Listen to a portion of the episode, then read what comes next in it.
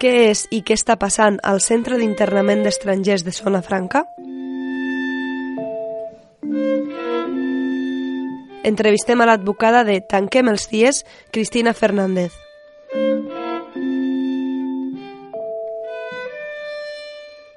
El Centre d'Internament d'Estrangers de la Zona Franca ha estat des de la seva obertura objecte de denúncies per maltractaments, vulneració de drets i condicions infrahumanes. Els CIES són espais on es priva de llibertat a persones per no tenir permís de residència i són part del sistema europeu de control de fronteres. El CIE de Zona Franca té una capacitat de 226 persones i es va obrir a l'agost de 2006, coincidint amb el tancament del CIE de la Verneda. L'any 2012 hi van passar més de 1.000 persones i la meitat van ser deportades. Des de la campanya Tanquem els CIES s'ha denunciat reiteradament als centres d'internament d'estrangers, CIES, com a presons encobertes on es vulneren els drets humans i es tracta de forma discriminatòria a les persones. Arrel de la mort d'un inter, la LIC, el 3 de desembre, i d'agressions interns aquests passats mesos de desembre i gener, s'han realitzat nombroses denúncies judicials i mobilitzacions per exigir el tancament d'aquests centres. Entrevistem a Cristina Fernández, advocada de Tanquem els CIES i membre de l'Observatori del Sistema Penal i Drets Humans.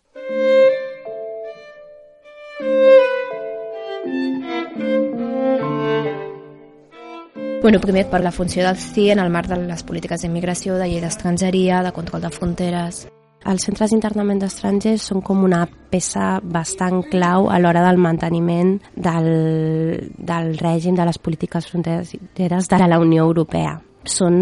la punta de l'iceberg, allò més evident de que s'està donant un règim de ciutadania diferenciat i discriminatori per la ciutadania autòctona, que mai anirà a un CIE, i per les persones amb nacionalitat estrangera que tenen la possibilitat d'anar al centre d'internament i de ser expulsades. Els centres d'internament eh, són els llocs això, de privació de llibertat, durant, en el cas espanyol, 60 dies, però en altres països europeus poden estar fins a 18 mesos, i és per assegurar el compliment de l'expulsió que d'altra banda és una expulsió que no sempre es porta a terme, no sempre es compleix, però el fet de passar pel centre d'internament també hi és una mena d'expulsió. És una expulsió a eh, no poder regularitzar la, situació, la, la teva situació, no poder tenir papers i per tant quedar igualment exclòs del règim de ciutadania, de poder tenir drets eh, laboral, vinculats a tenir un contracte de treball, de poder tenir drets de ciutadania i estar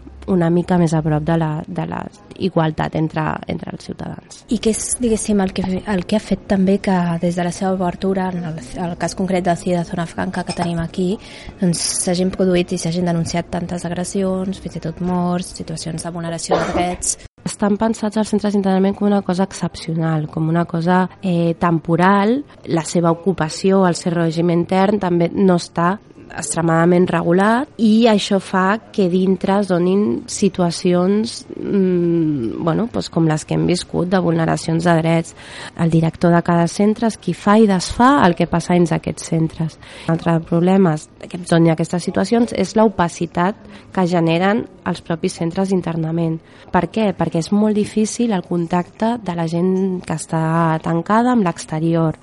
eh,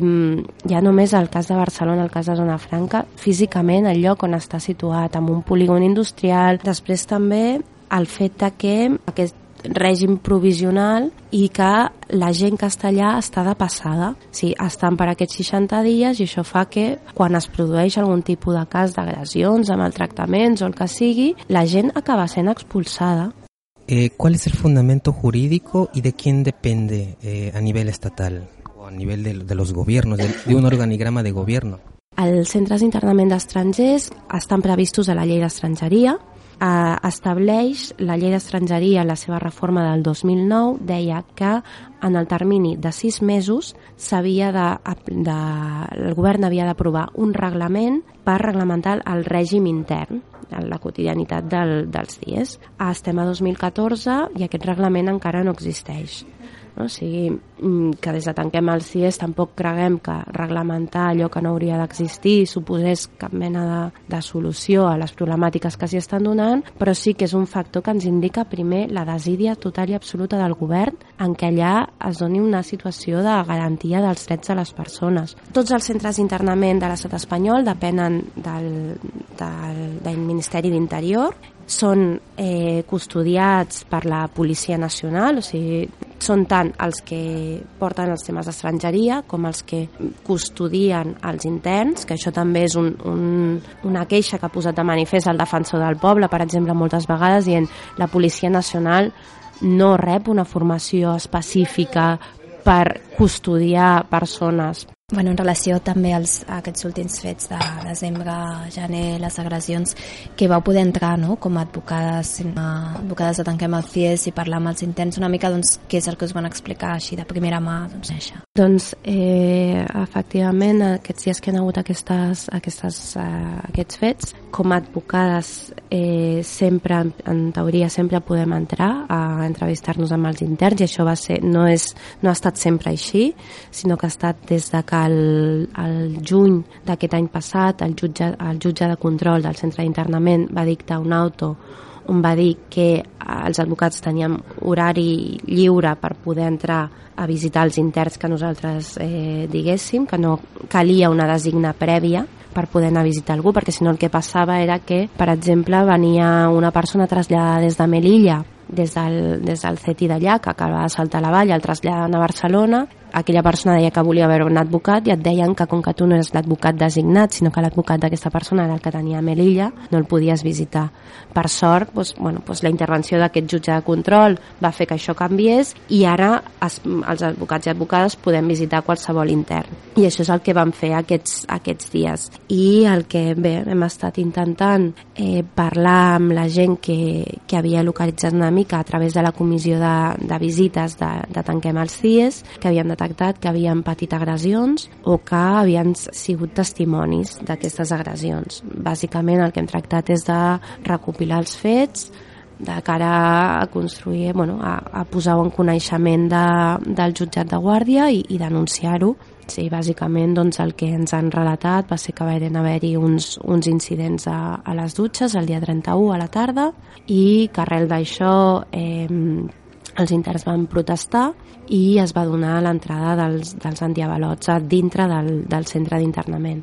Allà uns altres interns també van ser agredits de, pels antiavalots i que després la situació de tensió va durar uns dies més, en què van continuar presents els antiavalots a, a dintre del CIE i que hi havia una gran pressió sobre els interns, que en cada moviment, si una persona deia si volia anar al lavabo, era acompanyada per quatre o cinc policies i hi havia, es va mantenir aquest clima de, de tensió. En relació, doncs, bueno, totes les denúncies que heu fet, mobilitzacions que hi ha hagut, ja, bueno, de fet ja fa un any, quan arrel de la mort de l'Idrissa també es va, va haver una important mobilització i visibilització del que estava passant al CIE i es van aconseguir algunes coses. Diguéssim, si aquestes mesures fins ara, no? que, que és el que han aportat, i d'ara endavant les noves mesures que ha posat els jutjats de control, com les valores Bueno, doncs tota, o sigui, anem passet a passet, no? O sigui, els objectius de la campanya Tanquem els, els CIES és tancar-los, arribar a denunciar també dels centres d'internament, però també aconseguir les millores que siguin possibles per, per la situació de quotidiana que viuen els interns als CIES, o sigui, nosaltres estem molt contentes de, de que els jutges facin la seva feina, i, i que dictin hagin detectat aquestes deficiències i que hagin posat algunes mesures per, per solventar-les. Volem, ho volem tot, volem el tancament dels CIS perquè creiem que aquestes institucions no haurien d'existir perquè no hauria d'existir aquest, aquest règim de fronteres, aquest règim discriminatori i, i injust que, que suposa aquest tipus de situacions però ens alegrem i, i seguirem treballant perquè es doni aquestes millores perquè bé, doncs si ara en el darrer auto de, de interlocutòria del, del jutjat de control s'ha aconseguit que les visites puguin realitzar-se sense mampares, doncs em sembla que per les famílies que es troben amb la situació de que una, un, el, seu, la, el seu membre d'aquesta família, el pare, germà o parella o el que sigui, sigui expulsat, doncs la possibilitat de, de no haver de veure's de vegada a través d'uns vidres i uns telèfons que no se senten, que, que no et pots tocar, doncs és un, és un pas endavant que es millori el tema de l'aigua calenta també és un pas endavant i que, i, bé, i que s'avisi també als, en, en cas que la direcció del centre estimi que han d'avisar els antiavalots que ho comuniqui al jutge immediatament també és sens dubte un, un mecanisme de, de control de saber què és el que passa. Al CIES n'hi havia com més de 200 a tota Europa, és el mateix model que aquí. Cada, cada, o sigui, tenen característiques comunes però cada país té les seves particularitats. O sigui, per exemple en el temps de l'internament a l'estat espanyol són un màxim de 60 dies a Alemanya poden ser fins a 18 mesos a, a França són 45 dies, o sigui, depèn de les legislacions nacionals de cada, de cada país i les condicions d'aquests centres també depenen molt de, de cada país. O sigui, tenim coneixement de les deplorables condicions dels centres de Grècia, dels centres de, de Malta, dels centres bueno, dels països més mediterranis o més de la frontera sud. Després, doncs, hi ha, pel que sé, als centres dels països més nòrdics doncs, eh, potser en quant a infraestructures poden tenir millors condicions, però això tampoc suposa que la situació de les persones allà pugui ser gaire millor perquè, eh, per exemple, això a Alemanya, la situació d'incertesa de què passarà amb la vida d'aquestes persones es pot prolongar fins, fins a 18 mesos. Finalmente, entonces, la situación que estás comentando recuerda a lo que pasa en Estados Unidos, que también existen centros de este tipo, lo que ocurre en mismo México, porque tienen que detener a toda la migración que viene desde, desde Centroamérica. Para la gente en general, eh, ¿alguna recomendación para la gente que descubre o sabe de este tipo de situaciones? ¿Qué se le puede recomendar? ¿Tú qué palabras podrías decir? Primer que hauria de dir és primer que tinguem els ulls oberts, no? que, que si siguem conscients de, eh, en nom de, de les fronteres, de les polítiques migratòries, que s'està eh, discriminant absolutament a les persones per eh, el lloc d'origen, no? per allà on, on has nascut, no per la situació, pel, pel, per l'actuació personal, el que hagis fet o el que hagis deixat de fer, sinó que a unes determinades persones se'ls dona un tractament absolutament diferenciat que el d'unes altres. I a més a més,